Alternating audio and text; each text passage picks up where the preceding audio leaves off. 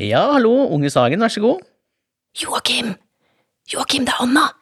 Hei, hvorfor hvisker du? Altså, jeg, jeg er undercover på MUS-konferansen, det er masse forskere her! Mus? Mus, hva står det for? Altså, hallo! Muskel-skjelettsatsingen, forskningssatsingen på muskel-skjeletthelse. Å ja, De, de samler alle forskerne i Norge en gang i året. Jeg er her, og det er litt skummelt. skjønner, skjønner. Ja ja. Nei, men eh, det er kult at du er undercover. Har du blitt oppdaget ennå? Nei, jeg, jeg står ved kaffemaskinen og gjemmer meg litt, men jeg skal snakke om hva pasientene vil at det skal forskes på etterpå. Skjønner, skjønner. Har du kledd deg ut, da, eller? Eh, eh, ja, jeg har, jeg har kule sokker. Ok, ja, nei, men da bør du fade inn. Ok, jeg, jeg, jeg fader inn. Men du, vi må lage en episode om dette, ass. Det er sjukt spennende hva som skjer på forskningsfronten nå. Ja, det er det absolutt. Men kan du gå et sted hvor vi slipper å hviske hele episoden? Ok, ok, du, ja, vi gjør det. Vi snakkes. Ok.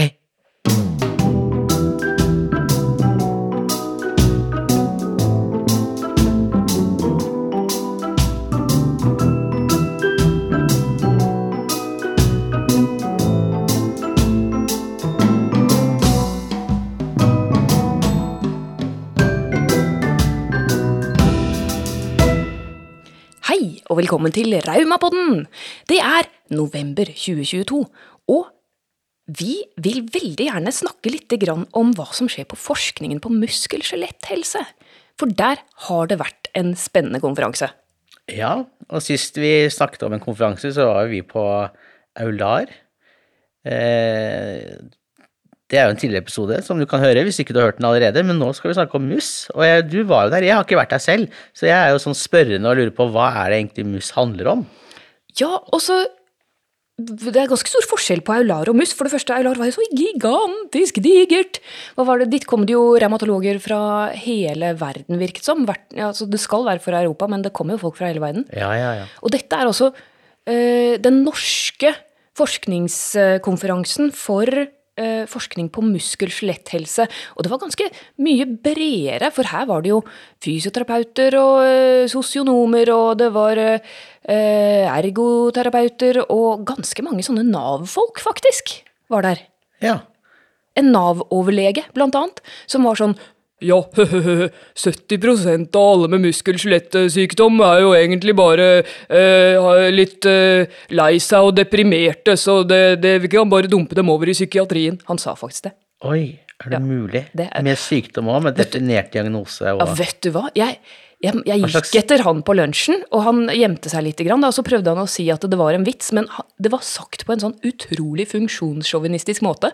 Var det slitasjegikt og Altså, dette gjelder jo alt da, muskelskjelett. Ja. De har Nå har jeg vært med på disse konferansene ganske mange ganger. Helt siden var det 2010 jeg var med første gangen på en sånn Da hadde det vært WHOs muskelskjelett ti år. Og avslutningskonferansen for det var liksom bakgrunnen egentlig for det at de begynte å ha forskningskonferanse på muskel- og skjeletthelse i Norge. Og de, de driver og blander inn uh, psykiatri veldig mye da, på muskel-skjeletthelse, fordi de sier det er så stort uh, overlapp. At det er så mange med muskel-skjelettsykdom og smerter. Det er stor samfunnskostnad, ja, men mental helse, det er så stort overlapp. Men hvorfor sier de det, tror du? Er det forskningsbasert, eller er det myter og antagelser? Altså, det var det han ble jo Han ble spurt om det, denne fyren som Ja. dro det. Eh, Ja, hva er kunnskapsgrunnlaget for det? Ja. Ingen svar. Nei.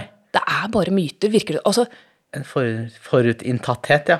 ja, at eh, folk med Folk som blir sykmeldt med muskel-skjelettsmerter og plager, det er kanskje egentlig fordi de er litt bekymra og litt deprimerte. De ser det ikke andre veien, liksom, at det kanskje de blir bekymra og deprimerte fordi de har vondt og ikke får noe hjelp i helsevesenet. Så rart, egentlig. Og Så vet du hadde kommet Tre- lenger i 2022, altså. Altså, det skulle man tro, ikke sant? Ja.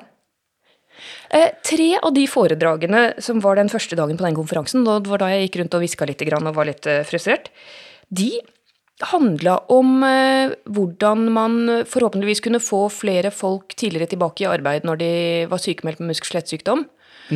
Og det var altså tre Det er positivt, det. det er kjempepositivt. Tre Ja. forskningsprosjekter, som sikkert har kostet kanskje ti millioner hver, som handlet om hvordan å bruke motiverende intervju Ja. for å liksom motivere da, som teknikk eh, fra Nav, at Nav skulle bruke motiverende intervju når de snakket med folk som var sykemeldt med muskelskjelett, om de kom raskere tilbake i jobb da. Ok, jeg kan se for meg at det kan funke som en del av en helhetlig tilnærming og som et ledd i en masse behandlingstiltak, men som den eneste greia. Men vet du hva svaret var? Altså tre, tre forskningsprosjekter, tre forskjellige steder i landet, masse millioner kroner. Nei, ingen effekt.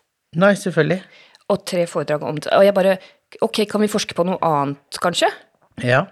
det, var, det var liksom sånn Oh my god, altså. Det, så det holder de på med. Men de holder også på med Det var masse annet spennende, da. ja. For at når jeg leste om det på nettsiden, og det jeg hørte, sånn, er at det liksom er tverrfaglig og flott og fint, og liksom Alle skal med.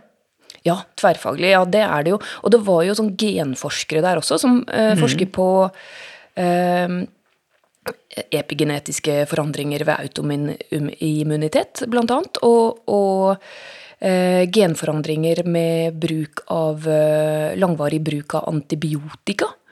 Um, det var også et foredrag som, eh, som ble løftet fram som veldig Genforandringer som kan forårsake muskel- og skjelettplager og sykdom. Eh, de, de dro vel ikke de koblingene, men det er rett og slett en forskningsgruppe, de burde vi søren meg inter, intervjue i podden, Ja. eh, som eh, forsker på eh, gener eh, og hva så, sånn genforandringer, epigenetiske forandringer, med bruk av forskjellige typer eh, medisin, også, som bruker datamateriale fra, fra revmatiske pasienter. Da. Men husker du hvordan de forandringene var positive eller negative? Det Vent litt nå. Pos, po, hva mener du, positive eller negative? Jo, For det er etter at man har fått en muskel- og skjelettplage, så var det disse da genforandringene vet som oppsto. det, det arbeidet som ble presentert på den konferansen, det handlet om bruk av langvarig bruk av antibiotika mot en viss type muskel-skjelettplage, noen ryggmodikkforandringer. Å ja, det har jeg aldri hørt om før. Antibiotika mot muskel og skjelett? Ja, ja, og det var ikke bra for genene, da. Det var ikke bra for genene, nei. Nå, nå forenkler jeg veldig. altså Ja, Dette var jo vanskelig, det var dritkompliserte greier, for å være ærlig. Jeg er ikke forsker, hallo, hallo. Jeg er ikke lege. Jeg er pasient, da veldig undercover på denne konferansen, som prøver å liksom se det store bildet og skjønne hva, hva er det de snakker om. Men det foredraget, det skilte seg jo veldig ut, for det Ja. var, det var liksom en, et helt annet perspektiv. Ja. Og så var det veldig mange som snakket om eh, litt sånn eh, Hva skal man si? Biopsykososiale paradigme, Mange psykologer som snakker om eh, disse, eh, disse litt sånn stakkarslige Jeg syns det var litt sånn der stakkarslig pasientsnakk fra psykologholdet, da. Å ja, at det er synd på oss, og at det Nei, men at liksom vi, de her pasientene som blir så sykemeldte, ja, det har de litt vondt i viljen, og de må jo motiveres mer, ikke sant, til å ville prøve å jobbe. Ja. Veldig lite snakk om behandling og forebygging og hva hjelper og sånn. Det, og det, det, sånt blir jeg så sinna av. ja, så syns jeg det er litt trist at man generaliserer så mye òg, da. Veldig. Over en hel gruppe. Når det er eh, Når du sier at det er større eh, Ikke antall deltakere, men omslagsfelt, da, så kan man jo ikke ta alle under én kam heller, i det hele tatt.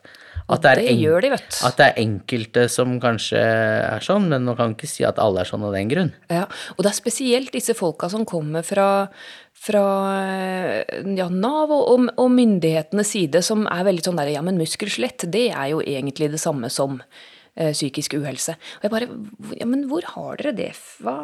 Ja. Ja. ja, det her må vi grave litt Kanskje vi må eh, bli litt sånn proaktive på å, å grave i hvor de får dette her fra. Men det er jo litt i tiden nå òg, da, med litt sånn derre skjerp deg-holdning. Ta deg sammen. Ta deg sammen, og, at man setter ned satsene på, på trygd og uførhet og arbeidsavklaringspenger, og man skal tilbake i jobb og leve som alle andre. Det er det som gir helse. Ja, ja. Altså, det er jo så urettferdig. Det er ikke hvordan man har det, hvordan man tar det. Eh, Ja, hele tida. Er, er ikke det sånn individualisering av helseansvar, at det samfunnet på en måte Veldig amerikanske tilstander, da, ikke sant? At du må selv eh, Ja, kom deg tilbake i jobb uansett eh, hvor vondt det gjør, eller hvor syk du er. Fordi eh, det er ditt eget ansvar, og det handler egentlig bare om at du vil det hardt nok. Hvis du bare vil det nok. Og vi skal eh, ta fra deg alle trygghets... Mm. Alle sikringer og gjøre deg skikkelig fattig, sånn at du vil det litt hardere. Men det er jo litt trist at det, sånn, at det generelle inntrykket var at holdningene var såpass, da. For at hvis man skal få flere tilbake i arbeid og inn i, inn i mer eh, eh, liv med hvor man bidrar og sånn, så må man jo bli akseptert og forstått blant arbeidsgiver og de man møter i samfunnet. Og, Møtt med, ja. og de hold, da er det holdningsendringer som må til, nødvendigvis i hele systemet, og ikke bare hos enkeltpersoner, da. Ikke sant? Og det er, ja Jeg opplever det som at det er to fraksjoner. Kanskje det er sånn generaliserende, men som sånn undercover-pasient som kommer ja, utenfra og ser dem, da, så opplever jeg veldig sterkt at det er to fraksjoner. Og den ene er liksom den biopsykososiale paradigmet som er på en måte sosionomene og, og psykologene og Nav- Nav-folka som er veldig på å psykologisere alt som har med muskel-skjelett å gjøre. Og som egentlig bare vil tyne folk liksom sånn Ja, men mestre KBT, motivere liksom, Kom deg, gå på tur, så blir du frisk. KBT? Eh, kognitiv beteende Å, det er svensk, det, vent litt. Kognitiv atferdsterapi. Ja. Ja. Ja. Og, og alt det der av mestring er jo kjempebra. eh, kjempebra, men vi trenger jo behandling også. Og de ser på en måte helt bort ifra behandlingen. De er veldig sånn Det spiller ingen rolle om du får hofteoperasjon eller ikke hvis du har artrose så hofta di er helt ødelagt. Du må bare ut på tur, og du har det som du tar det. De er litt, det er den ene fraksjonen. Det spiller ingen rolle om du får hofteoperasjon. Ja, ja, det legger de fram masse, masse tall på, da. At ø, operasjoner er jo helt unødvendig, egentlig, er liksom inntrykket de gir fra, fra mange av de forskningsprosjektene. For det handler egentlig om din motivasjon til å gå på tur og trene og spise sunt og gå ned i vekt. Det er det du må gjøre. Så det det er kan jeg skrive under på at det er feil, da. I hvert fall for, min del. Nei, Joakim, du må bare spise sunt og trene. Du trenger ikke å bytte ut de der eh, leddene. Men så, så det er den ene fraksjonen. Hva skal vi kalle dem? Eh, Vi kan kalle dem Nei, trenger vi å kalle dem noe? BPS. Altså, jeg, jeg, ser på, jeg ser på dem som eh, sy, sy, sy, altså, Det er psykologer, føler jeg, Mhm. som prøver å overta muskel-skjelettfeltet. Ja, men det, det var liksom det, Ja. Hvorfor tar dere forskningsmidler fra muskel-skjelettfeltet? Jo, jo, men alle vet det at det er komorbiditet, psykisk uhelse og muskel-skjelett. Ok, Så det er den ene Ja. fraksjonen. Ja, ja. Og så er det den andre fraksjonen, og de er liksom sånn biomedisinsk paradigmefolk. Det er eh, Det er i utgangspunktet positivt, det. For det det Ja. biopsyko... Altså Biopsykososial paradigme er disse her psykologene som psykologiserer alt som har med muskel-skjelett å gjøre, og sier vi ikke trenger egentlig operasjoner og medisiner. Mm, eh, Og det er jo sikkert sant for veldig mange, men samtidig litt sånn farlig generalisering. Så er det det biomedisinske paradigmet, folka, som, og det er de som forsker på disse genforandringene, Ja. og, og funker denne typen operasjon eller behandling, og, og hvor, hva slags fysioterapi funker best for å trene opp noen som har fått ødelagt kne, eller hvis de har Ja. frozen shoulder, ditt og datt, og Mekanisk. ja, litt sånn mer mekanisk, da. Ja. Mm, så det, sånn opplevde jeg det. Mm, Så egentlig burde personer med muskler og skjelett vite at de kan ikke forholde seg til bare én person, da, men at de må gå til flere faggrupper, altså lage seg sin egen helhet, Ja. basert på de ulike fagfeltene de møter. I en ideell verden så fikk vi jo tilgang til dette. Ja. Ikke sant? At det var et tverrfaglig team på en eller annen måte, da. ja. Så du har ikke inntrykk av at man blir henvist automatisk til den ene og den andre?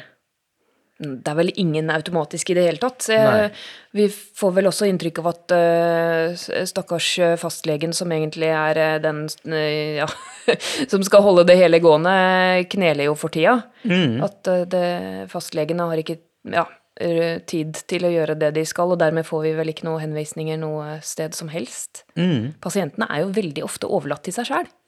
Og at det da skal psykologiseres at de ikke klarer å jobbe, Mm. syns jeg bare er så feil. Så det var de to fraksjonene eller du møtte? Det var sånn det opplevdes, ja. Ja. Det var det, altså. Og så var det en tredje. Det var deg som var undercover. Brukerperspektivet. Og hva sa du? Altså, jeg sa Ja. det, Jeg sa at eh, forskerne må høre på pasientene. Og så presenterte jeg dette her eh, Ingenting om oss uten oss-prosjektet. ja. Og det er jo et eh, gammelt slagord, det. Et gammelt slagord ja, fra 70-tallet, tror jeg. Sånn feministslagord, egentlig. Ja. Ja. Men, men akkurat i denne settingen, da, så er det jo navnet på det prosjektet vi har hatt gående noen år nå, en James Lind Alliance-prosess, for, for å liksom bruke forskernes metode for å finne ut hva pasientene mener det skal forskes på. Mm, James Hvem var James Lind Alliance igjen? Er det Eh, Altså, det er en metodikk eh, utviklet av annet han Ian Chalmers. Noen av disse Det er britisk utviklet eh, rammeverk for eh, behovsidentifisering av forskningsspørsmål. Ja. For det er vel kanskje det jeg har skjønt etter å ha vært med på disse konferansene nå i over ti år, ikke sant. Ser at det, veldig mange av de forskningsprosjektene som får penger, forsker på de samme tingene om og om og om og om igjen, og veldig mange av dem forsker på ting som ikke på noen som helst vis kommer til å hjelpe pasientene. ja. Og så får vi altfor lite av forskningsmidlene. Jeg tror det ble også presentert. er 1,9% eller noe, eller latterlig lite av den totale potten med forskningsmidler i Norge går til muskel-skjeletthelse. Det her har vi snakket om før. Og hvis, så, så er det da eh, redegjort for at 85% av forskningsmidler, eller forskning, ferdig forskning, eh, er eh, bortkastet. Unødvendig bortkastet. Det kommer aldri til nytte. Det kommer aldri til nytte. Nei. Eh, Enten fordi det ikke publiseres, men først og fremst da, for å begynne med begynnelsen, så er det fordi det ikke forskes på relevante spørsmål. Ja, så det blir nesten som om man, øh, man skulle lage masse veier som ingen kjørte på, eller sykehus som ingen brukte, eller Ja. ja. Kanskje eh, ha et militære som ikke kan gå på tur? Nei. Ja. Bære gevær? Jeg vet ikke. Ja. ja. Ja, jeg vet ikke. Det forskes på masse greier som ikke på en måte fører til noe. Eksempel da tre forskningsprosjekt på motiverende intervju. ja. Ja, men det, det var sikkert nyttig, det også. Men det, men det Ja. Man trenger ikke så ensidig forskningsfokus, man må ha en bredde. Ja, og vi mener jo, kanskje spesielt fordi muskel-skjelett får så liten pott av forskningsmidlene eh, Tenk, dette er hele muskelskjelettfeltet, liksom. 1,9 eh, Da må det i hvert fall være sånn at det forskes på ting som er relevant for pasientene. Så det er det vi har gjort i det prosjektet. Og har funnet ut. Ja, klart Ja. vi har funnet ut det. Yes. Og det presenterte jeg på konferansen. Og hvordan ble responsen på det? Vet du hva? Jeg trodde at de skulle bli skikkelig sinna, for jeg gikk jo på scenen der og bare sa dere må slutte å forske på det dere forsker på, for svarte steike Hør på pasientene! Dette er det vi vil, og her har 40 000 pasienter vært med og stemme fram hva de vil at det skal forskes på, nå skal dere begynne å forske på dette! Bam! Så kom jeg med topp ti-listen min, Ja. og så alle klappet, applauderte. Jeg vil ikke si det var stormende jubel, men alle tok opp mobilkameraene sine og tok bilder av den. Ja. Og etterpå fikk jeg premie. Wow. Pris for beste foredrag, nei, beste presentasjon. Cool. Ja, takk, takk, Bukker, neier, neier, Bukker. Jeg, altså, jeg fikk så hakeslepp av det, Joakim. Det hakesleppet, det varte i et par dager etterpå. jeg trodde de skulle bli skikkelig sinna, og så, og så sa de det her var innovativt og viktig arbeide. Ja. Ja. Nei, det blir jo bare mer og mer av det. Tenker jeg bruker medvirkning også for å få forskningsmidler, da. Så da har man jo det i bånn. Så man kan bruke den topp. Men jeg tror dere der hjemme som hører på nå, er veldig spent på den eh, listen, da. Og jeg ser at du har den foran der. Ja, Her? topp ti-listen. Den som fikk applaus og stormende jubel og, Ja. og pris og premie. Altså, eh, dere bør jo selvfølgelig gå inn og lese den, men skal, men skal vi snakke litt gjennom den, eller? Ja, kan ikke gjøre det. Er det skal vi ta hele listen? Begynne, på, begynne I hvert fall de viktigste. Altså, hele prosessen var jo det, eh, 5300 pasienter har vært med å stemme fram denne listen av de 40 000 fra forskjellige pasientorganisasjoner på muskel-skjelett som var invitert. Ja. Og det har vært gjort en veldig grundig prosess med å, å samle de inn, også da fra pasienter, og, og dobbeltsjekke de opp mot eksisterende forskning for å være sikker på at dette er faktiske kunnskapshull. Altså dette er områder som, hvor det trengs mer forskning. ja. Det som var veldig, veldig spennende, og som fikk masse spørsmål der på konferansen også, var at topp én, det øverste spørsmålet, var hvilke behandlinger forebygger langvarige muskel-skjelettlidelser? Altså forebygging. Hvordan kan vi forebygge langvarige muskel-skjelettlidelser? Ja. Jeg bare Første umiddelbar er jo veldig bra, da, men eh, behandle og forebygge i samme setning, det er litt uvant. Behandle, behandle noe som ikke har skjedd ennå. Jeg tror det var rett og slett Hvordan, eh, hvordan eh, Men det er forebygge, forebygge langvarige. Sånn at, sant, se du kommer inn til helsetjenesten Ja. med noe begynnende et eller annet muskelskjelett. Ja. Hvilken behandling kan da brukes for at du Ja. raskt blir frisk igjen, istedenfor å bli en av de langvarige? At det ikke blir kronisk. Eh, Kunne det vært sånn Vi vet jo det at folk med forskjellige revmatiske diagnoser, mange går jo i ti år med diverse uspesifikt muskelskjelett. Runde liksom blir kasteball i systemet før de kanskje får en diagnose. Ja. Er det noen behandling som kunne blitt satt inn tidlig der? Ja, for det er sånn som det er nå, så er det sånn at man må ha enten veldig tydelige eh, bildebevis eller tydelige utslag på blodprøver. Og da har det ofte kommet så langt at det er vanskelig og, eh, å, å reversere prosessen, da, kan du Ikke si. sant? Ja, du får jo ingen behandling før det har blitt skikkelig, skikkelig alvorlig. Ja. alvorlig. Ja. Og det, det er jo Da er det for seint. Eller ikke Ja. for seint, men også. Og det som var veldig spennende med akkurat det, da, for det satt den, det spørsmålet som var topp én, og det var liksom alle pasientene var enige om det. Det var, det var mange ting vi krangla om i løpet av det prosjektet og de, den prioriteringsworkshopen som vi hadde på slutten. Men den var folk eh, klinkende enige på, og da var det en dansk forsker som, som var på denne konferansen, som reiste seg opp og spurte jøss, det var rart. Ja, ok, han sa det ikke akkurat sånn, jeg klarer ikke å snakke dansk. men han sa dere har fått forebygging opp liksom, på listen. Det kom ikke engang opp når vi hadde en lignende type prosess i Danmark. Så var det ingen som nevnte forebygging. Hvorfor tror du det har skjedd? Og da kunne jeg si det skjedde fordi vi ba helt spesifikt de personene som var involvert, altså pasientene som var involvert i dette prosjektet, å tenke på en pasient som får deres sykdom i framtiden. Så ikke tenk på deg selv som, for de fleste som var med i dette, de er, er jo medlemmer i pasientforeninger. De har vært syke ganske lenge, de fleste av dem. Så vi tenkte, for, ikke bare tenk på for din egen del hva som er viktig for deg personlig. Tenk for neste generasjon med muskel-skjelettsykdom. Ja. Og da kom forebygging helt på topp. ja. Har du, har du, kan vi komme på noe er sikkert mange forskere der også som hører på. Kan vi komme på noe forskningstittel til den kategorien? Forebygging? Ja. Ja, den eh, Hvilke behandlinger forebygger langvarige muskel- og skjelettlidelser? Forebygge musp.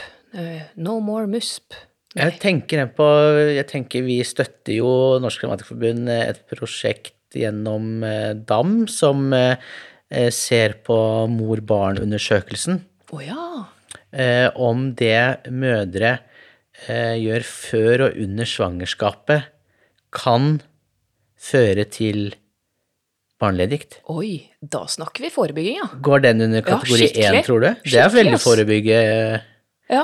Da, men da er det jo ikke så mye behandling. Da er det mer Hvis man ser at ja, hvis man eh, røyker før Røyket mye da, før man blir mor, så er det flere som får barneleddgikt. Da er det egentlig bare å kutte ja.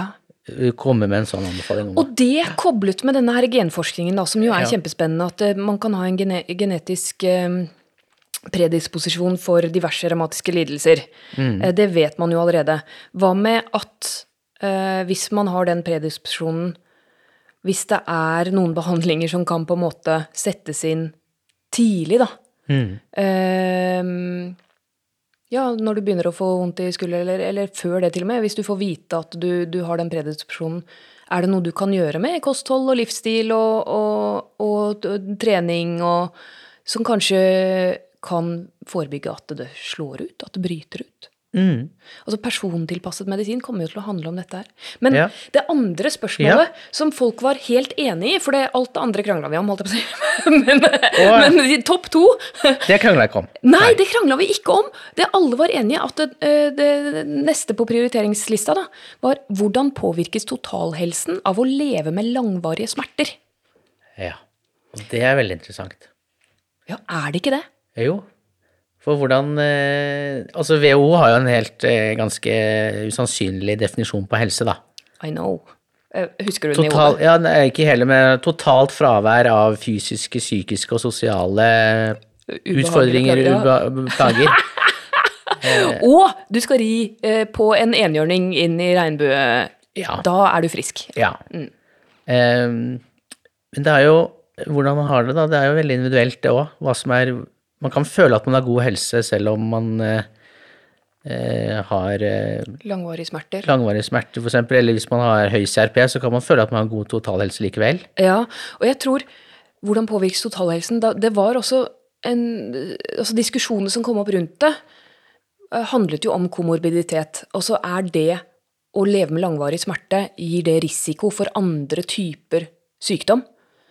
Altså hvordan Det er jo dessverre forskning som viser at hjernen blir påvirket. Og så grå masse synker når man, når man går med langvarig smerte. Eh, og hvilke andre kroppsfunksjoner og hvilke andre vevstyper påvirkes. Det er jo en stressrespons, altså smerte eh, er jo en alarm i kroppen. Eh, hvordan påvirker det totalhelsen å gå med den eh, alarmen på hele tiden? Det vil pasienten at det forskes mer på. Det forskes jo masse på ja, mm, hva er smerte, og mm, virker den medisinen bedre enn den medisinen, og mm, hvordan kan vi slutte å bruke medisiner, stort sett. Men hva skjer med folk som har langvarige smerter, da? Ja. Spennende, altså. Men hvordan, hva var dere var uenige om, da? Vi var Alle uenige uenige om mye. Nei, nei. til ti? Du kan si at alle disse, eh, og det, dere får gå inn på nettsiden og, og lese alle de andre, men en var jo kjempespennende, det her med hva forklarer de uforutsigbare svingningene og opplysningene i symptomer ved muskel- og skjelettlidelser? Det var, det var nummer fire. Ja. Hva forklarer svingningene? Ja, ikke sant? Ja, det stemmer. For jeg, har- jeg har hele tiden hørt ja, det, er vanlig med svingninger. Ja, det er vanlig med svingninger. Spesielt for eh, bestemte typer revmatisk sykdom òg. Ja. Systemisk barnehjelp, eksempel, svingninger hele tiden. Ja. ja, jeg også med Men jeg har ikke blitt forklart hvorfor de svingningene kommer. Hvorfor? Hvorfor? Og er det noe I jeg kan gjøre why. selv? I wanna know why. Ja, ikke sant? Hvorfor? Det er helt merkelig. Ja, for da kan man jo, hvis man finner ut det, så kan man jo på en måte styre litt. Ja, dette er hormonforskning og sånn, ikke sant? Mm. Eh, jeg var jo så frisk da jeg var gravid at jeg skulle ønske På en måte skulle jeg gjerne bare fortsatt å være gravid. Sånn forever. Eh, det høres veldig rart ut, men altså, om det var en eller annen sånn mirakelpille jeg kunne tatt som hadde graviditetshormonene, liksom. Ja. Aldri vært så frisk i hele mitt liv. jeg. ja. Uten stor mage, da, kanskje. Ja, helst uten helst stor mage. Ja, Ja. Spennende, altså. Det, var, det, det var litt slitsomt å bære på liksom 20 kilo ekstra. Men hvorfor var det krangel om den, da? Ehm, for, ja, det, det, det var vel ikke alle som opplevde svingninger, da. Ikke sant? At dette var vel kanskje spesielt dramatikere. Men, men det var også de fra Landsforeningen for kvinner med bekkenlidelse var jo med her, og Nakkeforeningen og Ryggforeningen. Liksom. Det var jo forskjellige pasientgrupper. Så var det fatigue. Eh, var det også krangel om. For mange ville egentlig at den skulle mye høyere opp. Men eh, hvilke behandlinger virker mot fatigue kom på nummer ni. Det er litt overlappende her òg, da. Ja. Den er jo litt sånn med toeren. Ja, smerte og fatigue, Og totalhelsen og Ja, Ja. Ja, jo, jo, det er det. Og rehabilitering Det som sånn Det som ble krangel, var sånn Eller ikke krangel, folk var utrolig konstruktive i, denne, i dette prosjektet og den prosessen. Men det som var litt interessant, da, var at tidlig i prosessen så ble det stemt opp alt som hadde med mestring og livsstil og trening og ting du kan gjøre selv. Det kom veldig tydelig inn fra mange hold tidlig i prosessen. Mange var interessert i det. Så det er helt klart viktig for pasientene, mestring og trening og livsstil. Men når vi kom til liksom sluttprioriteringen, hvor vi skulle korte ned da, fra 20 forskningsspørsmål til 10 og, og sette de i prioritert ordning, ordning, da forsvant de ut. ja. Alt som hadde med mestring og trening og livsstil å gjøre. Og grunnen til at det forsvant ut, selv om folk syntes det var viktig, var at de sa at det forskes så mye på det allerede. Ja. Vi får så mye informasjon. Yeah. Du skal trene sånn, du skal spise sånn, du skal mestre sånn, Yeah. du, skal, du får Du skal ha 95 i puls, liksom. Ja, og du skal ditt og datt og tjo og hei og spise middelalderkost med, med pali og ditt og datt og tran tre ganger om dagen. Ja, nettopp. Så det er ikke det at det ikke er viktig, det er bare at vi må ha litt mer variasjon igjen i forskningen og ha noe annet òg. Ikke sant? Ja. Så dette, her, dette er jo en ønskeliste basert på hvor vi føler det er behov for mer. ja. Det er det. Og Ja. det var det forskerne rett og slett applauderte at vi pasienter kom med. Tenk det, ja. Det er litt kult. Ja, det er kult. Hva skal vi, hva skal vi gjøre med dette nå? Du, du, du som er liksom forsker og, og, og jobber med DAM forskningsprosjekt og sånn, hvordan kan vi bruke denne lista? Eh, Den kan vi bruke på mange måter. Eh, Forskere må jo bli kjent med den, og også brukere. Vi trenger jo brukermedvirkere inn i disse forskningsprosjektene også, fra starten av. Ja, flere brukermedvirkere. Ja.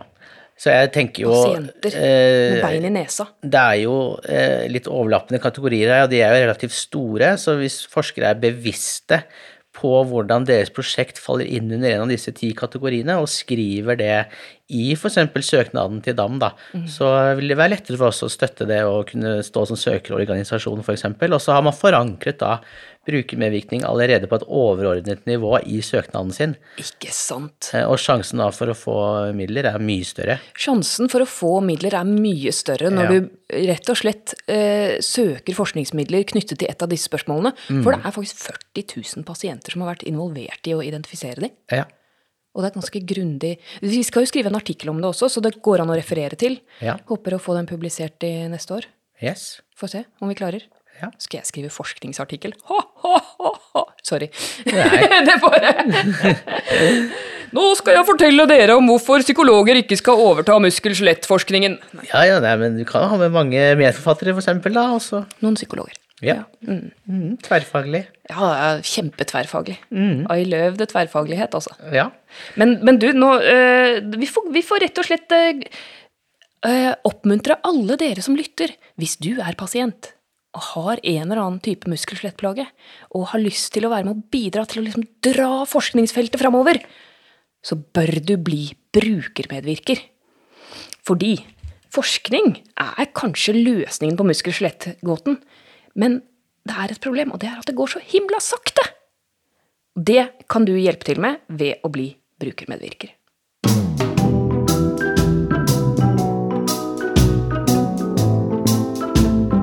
I dag har vi snakket om forskning på muskel-skjeletthelse. Del gjerne denne episoden videre med folk du kjenner som kan ha nytte av den.